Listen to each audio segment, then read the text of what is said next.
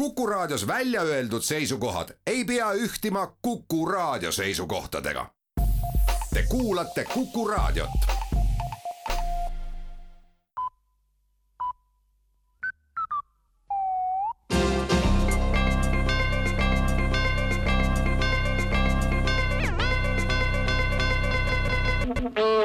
tere kuulajatele, uudistega eetris Rohke Debelak. Parlament hakkab homme arutama võlaõigusseaduse muutmise seadust, mis sätestab ka tänuvõlglaste temaatika käsitlemise.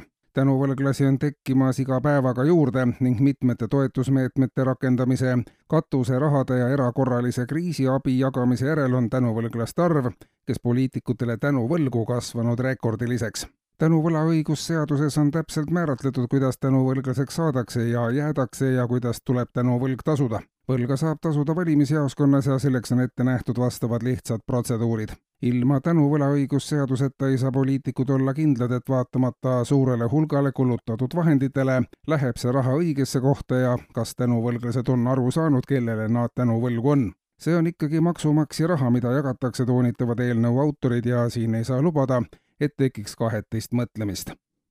Tallinna linnavalitsusega annab teada, et mõneti kõneainet pakkunud lahkumishüvitised makstakse alates tänasest uue korralduse järgi. lahkumishüvitised muutuvad igapäevasteks ja neid makstakse igal õhtul, kui tööpäev läbi ja ametnik peab töölt lahkuma. kui lahkumishüvitisi maksta iga päev, siis ei tundu ka summad nii suured kui ühekordse makse korral töölt lahkumine on ametnikule iga päev suur frustratsioon, sest nii palju jäi veel tegemata ja oleks tahtnud linnaelanike hüvanguks veel teisegi tööpäeva otsa töötada, aga midagi pole teha, töö- ja puhkeaja seadused ei võimalda.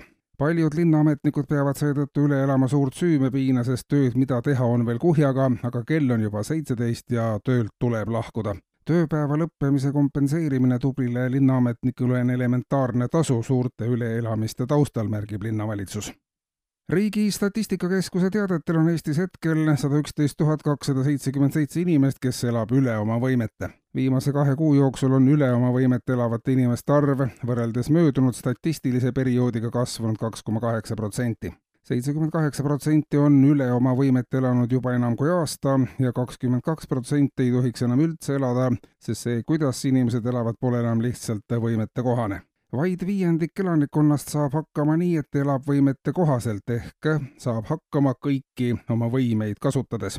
Alla oma võimete, nii et ei pidanud ühtegi oma võimet kasutama, elas seitse protsenti inimestest. ja kultuuriuudiseid. Estonia teatris algasid eile uue rahvusliku opereti Viisk, põis ja laadimisvarrs proovid etenduse on tellinud Majandus- ja Kommunikatsiooniministeerium, toetavad Elering, Infortar ja Alexela libreto kirjutamisel osalevad kõik eelnimetatud autorid ning see on sujunud ootuspäraselt ja praegu on puudu ainult algus, kohendama peab lõppu, mis on algusega äravahetamiseni sarnane ning finaali osas on praegu neli erinevat versiooni, millest üks hargneb veel kolmeks ja jõuab puendina ilma puendita jälle algusesse välja. viisk, põis ja laadimisvarrs esietendub tähtaegselt. kuulsite uudiseid